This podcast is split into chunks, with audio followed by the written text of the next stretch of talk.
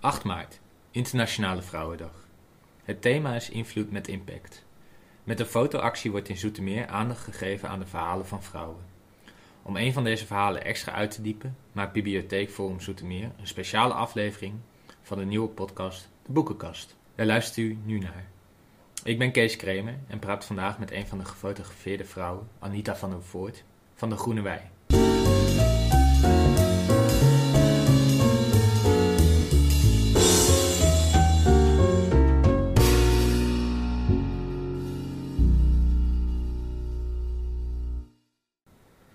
Er is dus een fotoshoot geweest eh, en jij hebt meegedaan, Anita. Wat vond je ervan?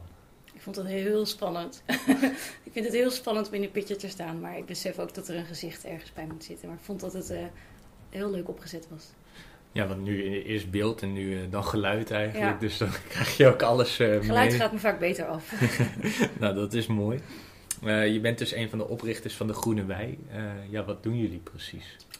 We zijn in 2014 gestart, dus we zijn al een tijdje bezig. We hebben wat transformaties doorgemaakt. We zijn begonnen als biologisch groentecollectief met de ambitie om uh, biologisch eten bereikbaar te maken voor een zo breed mogelijk publiek. Uh, dat hebben we gedaan. We zijn in Rijswijk begonnen en in een half jaar waren we eigenlijk al veel te groot. Van de 15 vrienden waren we uitgegroeid tot 50 gezinnen. En beseften dat er echt heel veel vraag naar was. Dus toen moesten we op zoek naar een andere locatie. En zo zijn we aan de Voorweg in Zoetermeer beland. Uh, en toen merkten we dat er eigenlijk veel meer behoefte was aan ook verbinding. Buiten biologisch eten hadden mensen ook echt behoefte aan een plek om samen te komen. En ja, om te delen met elkaar wat je in het leven meemaakt. En om hun talenten met elkaar te delen. Dus we zijn een beetje een uit de kluiten gewals club. En inmiddels doen we echt van alles op het gebied van uh, uh, de wereld een stukje leuker maken. We organiseren verwendmiddagen voor kinderen met special needs. Kerstdiners voor eenzame ouderen. We organiseren evenementen. Allemaal niet tijdens corona natuurlijk, maar goed, dat hebben we allemaal gedaan. Om de buurt te verbinden, buren en culturen. Om de buurt kennis te laten maken met verschillende culturen. En uh, meest recentelijk onze corona-actie, daar kennen mensen denk ik ons ook van. Er zijn de knuffeltasjes, de koffie- en knuffeltasjes. Ah, ja, want corona maakt het denk ik wel allemaal wat moeilijker. Ja. Maar, uh... maar we, zijn, uh, ja, we zijn niet voor één gat te vangen en we willen echt wel die impact blijven maken. Dus toen dachten we, als we die knuffel niet live kunnen geven, dan gaan we de knuffel bij de mensen thuis brengen. Ah, leuk. Want het maakt het eigenlijk ook noodzakelijker, denk ik. Het laat ja, precies zien. Zeker, juist. Heel erg, want de eenzaamheid is zo groot. En echt niet alleen maar onder ouderen. Ook echt wel mensen van onze leeftijd. Ja, want jullie proberen eigenlijk zoveel mogelijk mensen ook een kans te geven. Ja. En om bij het thema van de Vrouwendag eigenlijk te blijven, invloed met impact. Uh, wat voor impact zie je terug met jullie project? Nou, wij zien terug dat mensen die zich niet altijd even veel gezien voelen, zich wel gezien voelen. Dus niet kijken naar wat ze niet kunnen, maar juist kijken naar wat ze wel kunnen. Um, ja, weet je, bijvoorbeeld als je een beetje met jezelf in de knoop zit en je worstelt al een paar jaar met een verslaving en je komt er gewoon niet uit. Nou, dan kunnen wij een plek bieden om je netwerk te veranderen en te vergroten op een andere manier. En dan echt dat luisterende oor te bieden. En wat vind je daar het leukste aan eigenlijk aan je werk? Wat denk je van, nou daar word ik echt iedere ochtend wakker van en... Uh... Ja, nou ja, het, het, is dus nog niet eens mijn werk. Dat is het mooie. Het is gewoon uit de kluitig was een passie. Maar uh, ik word er heel blij van om mensen te verbinden. Met elkaar, en maar ook met zichzelf. Ik denk namelijk dat de wereld een stuk mooier wordt als mensen zich weer verbonden voelen met elkaar.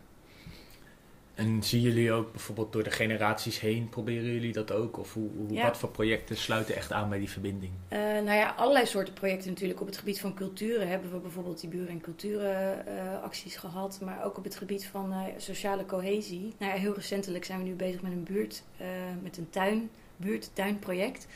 Moeilijk woord, buurt-tuinproject. um, en nu zie je wat er gebeurt, want mensen willen gewoon iets te doen hebben. En we hebben een enorme tuin om ons mooie pand heen. En nu gaan ze dus in hele kleine groepjes, gaan ze dus in de tuin werken. En dat kan de gepensioneerde man zijn die gek wordt van zijn vrouw thuis. Want die denkt, oh, ik zit de hele dag op elkaars lip. Zeg, laat me alsjeblieft uh, het gas maaien. Of de kids die nu gewoon wat meer behoefte hebben aan weer buiten zijn. En dan zie je dat dat echt zo simpel, maar zo verbindend kan zijn. Want je ziet wel echt iedere leeftijdscategorie Ja. ook terugkomen. Ja. En, en elke kleur, elke geaardheid, elke geloofsovertuiging. Ja, bij ons maakt het eigenlijk helemaal niet uit wat je verhaal is. Ja, want ik zag op de website dat jullie uh, gendergelijkheid ook nastreven. Ja. Als een van ja, de Sustainable Development Goals. Uh, Ja. um, hoe, hoe besteden jullie daar eigenlijk specifiek aandacht aan? Nou ja, ik denk dat het soms verder gaat dan vragen uh, wie je bent. Of kijk, het is heel simpel om een bordje op de wc te hangen van man, vrouw en genderneutraal. Ik vind dat dat, dat is prima dat het gebeurt, maar ik vind het vrij simpel. Ik denk dat het veel verder gaat om niet eens erover na te hoeven denken dat je of man of vrouw of wit of paars bent. Je bent gewoon een mens. En zo uh, vliegen wij dat aan. Je bent gewoon een mens. Dus niet de symptoombestrijding eigenlijk, Zeker maar niet. proberen de oorzaken. Zeker. En heb je daar een concreet voorbeeld van hoe jullie dat proberen te bereiken? Ehm, ja, nou ja. Ik denk dat het belangrijk is om allereerst goed naar iemand te luisteren, naar wat iemands verhaal is. Zonder eerst je eigen verhaal te willen doen. Ehm, en een concreet voorbeeld daarvan, och, dat zijn er zoveel. Nou, we hebben ooit eens een workshop georganiseerd, dromenbord maken. En eh, daar zat een dame bij die af en toe wel naar ons toe kwam, maar ze kwam niet echt uit haar schulpje. En naarmate dat die workshop vorderde, gebeurde er iets in haar. Zij ging tijdens die vision board maken, ging zij plaatjes plakken en ze zei, ja, ik ga het nu gewoon maar delen met jullie. Ik val gewoon op vrouwen en ik zit al gewoon 30 jaar met mezelf in de knoop en ik durfde er gewoon niet voor uit te komen. Dus vrij concreet. Want ik denk, ja, zo moeilijk is dat tegenwoordig toch niet meer, maar blijkbaar dus wel. En ze voelde zich veilig genoeg om dat te kunnen delen. En ze heeft dus ook haar vriendin bij ons ontmoet. Dus hoe vet is dat? Dus jullie zijn eigenlijk ook een soort Tinder in Ja, daar blijkbaar het eerste Groene Wijkkindje is ook gewoon geboren in 2015. Dus eh, ja. Wat leuk. ja. Ehm, ja, sinds 2014 zijn jullie dus bezig. En wat is er in die tijd eigenlijk allemaal veranderd? Want ik kan me voorstellen dat het een hele andere tijd is nu. Veel, echt veel. We, waren, we zijn natuurlijk enorm ambitieus en heel idealistisch. En we zijn dus begonnen met het groente en fruit. Dus dan moet je voorstellen dat je dus direct bij biologische boeren inkoopt. En die komen dan met 10 kilo uien aan en 20 kilo aardappelen. En jij gaat dat met 6, 7 vrijwilligers in porties doen en eh, verkopen aan de mensen die komen zonder overheidkosten. Maar dat bleek een beetje ambitieus, want de meeste vrijwilligers zijn van onze leeftijd. En die hebben gewoon, die gaan uitvliegen, gezin, eigen bedrijf, andere prioriteiten. Dus groente en fruit is niet meer. Uh, maar in de loop der jaren is dat dus veranderd in diensten. Wij merkten dat uh, er heel veel mensen waren die hun diensten met elkaar wilden delen. Of dat nou eigenlijk alles op het gebied van positieve gezondheid en, en vitaliteit. Dus uh, mindfulness, sport, yoga, coaching. Alles op, op het gebied om echt lekker in je vel te komen zitten. En dat is denk ik het grootste verschil. En wij merkten dat dat best heel vaak beschikbaar is, maar niet voor mensen met bijvoorbeeld een kleine beurs. Um, ik ben opgegroeid in een bijstandgezin.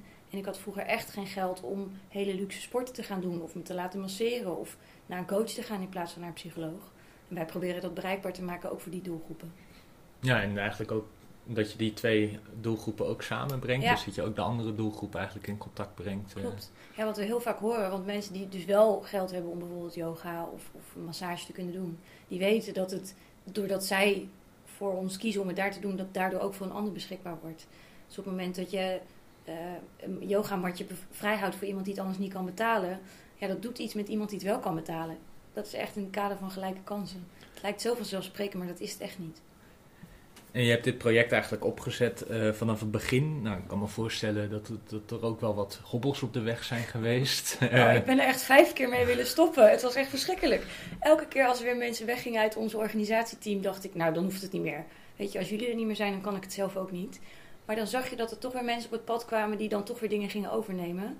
En ik ben zo dankbaar voor iedereen die elke keer weer op het juiste moment op het juiste pad kwam. Of dat nou is om een prachtige website te maken, om illustraties te maken, om ons verder te helpen op zakelijk gebied. Want ik ben echt een zakelijk ei. Ik heb echt helemaal niks met geld. Ik ben het ook heel slecht in verdienen. Maar ik kan het dus wel weer, weer mensen op het pad krijgen die dat wel kunnen doen. Dus ja, het heeft heel veel hobbels en, uh, en heel, veel, uh, heel veel pieken ook gekend. Dus het gaat echt zo. Het is echt een soort hartslag. Flatliners zijn saai.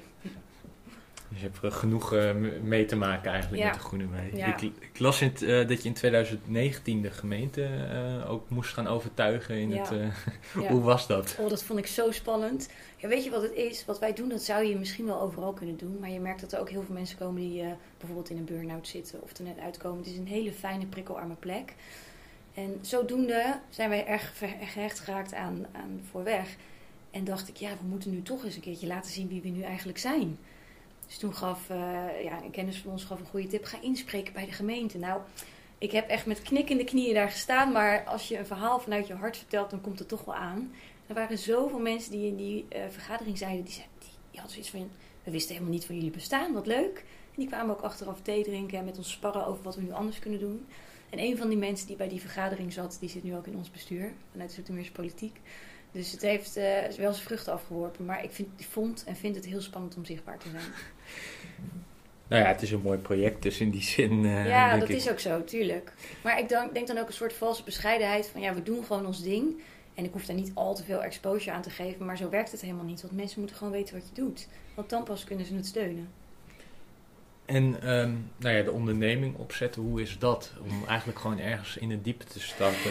en nou ja, om ook een beetje in Vrouwendag uh, te blijven. Je hoort vaak dat, het toch, uh, ja, dat daar een soort genderongelijkheid zit. Ja. Uh, ja, hoe is het als vrouw om dat te doen? Nou ja, ik moet je heel eerlijk zeggen dat het echt heel uitdagend was. Want in de eerste periode dat we daar zaten, zijn we met heel veel mensen in aanraking gekomen. En een van die mensen had letterlijk tegen mij gezegd: Ach meisje, jij met al je mooie dromen, daar komt toch nooit wat van terecht.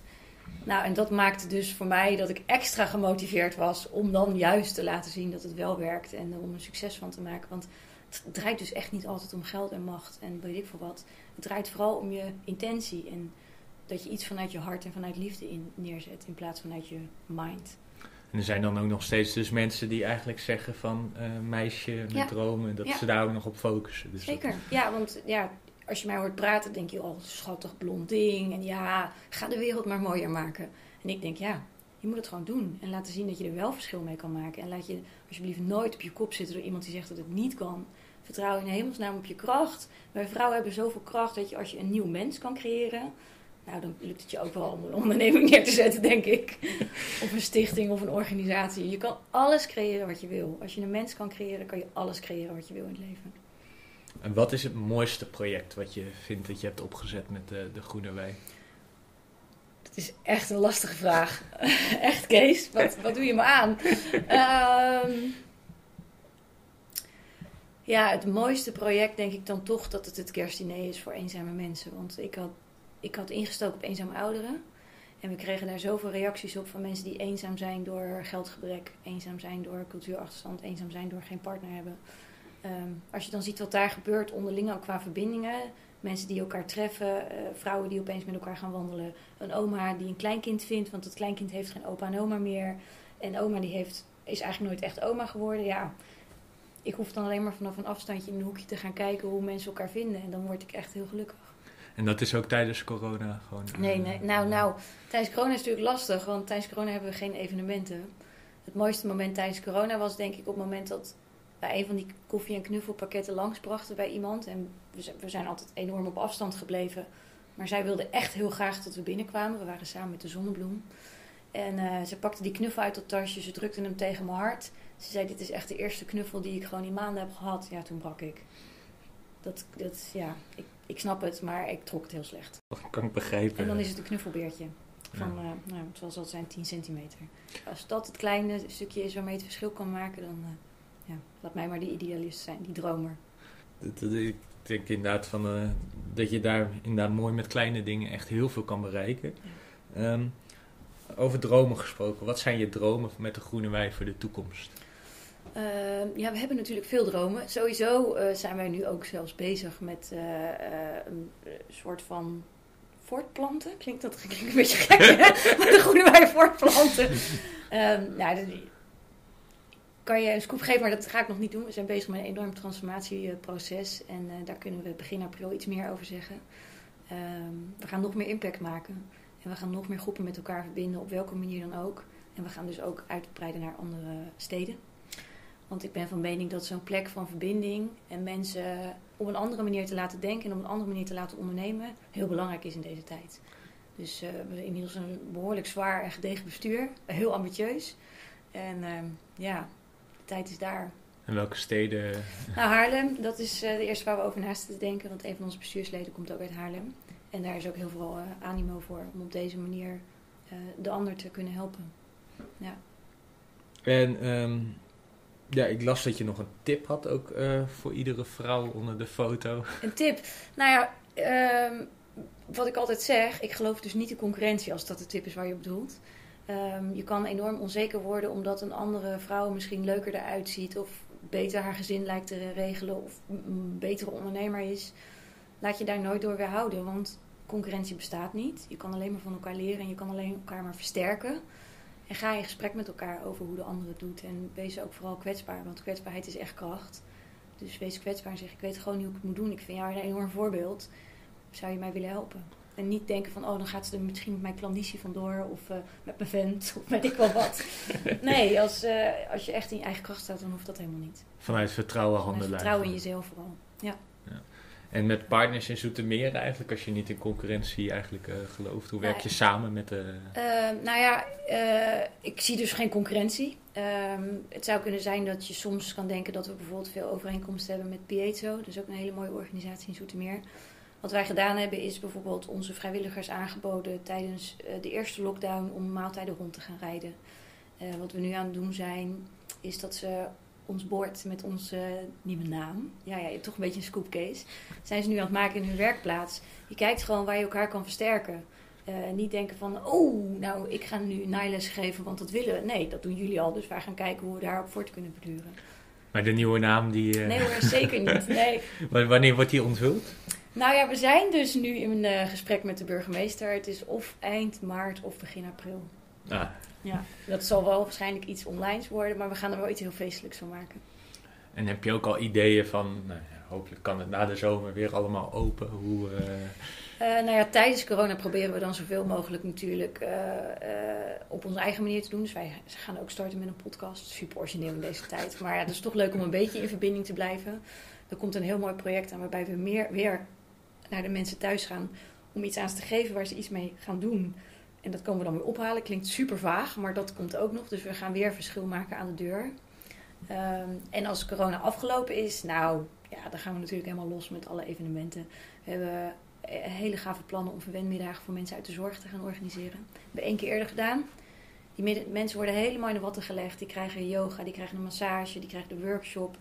Lekker eten, drinken. Echt voor alles wat ze de afgelopen maanden, voor alles wat ze altijd er voor ons doen, maar vooral de afgelopen maanden, om ze daar even goed voor te belonen. En dan eh, ja, zoveel mogelijk zorgmedewerkers uit Zoetermeer in de watten leggen.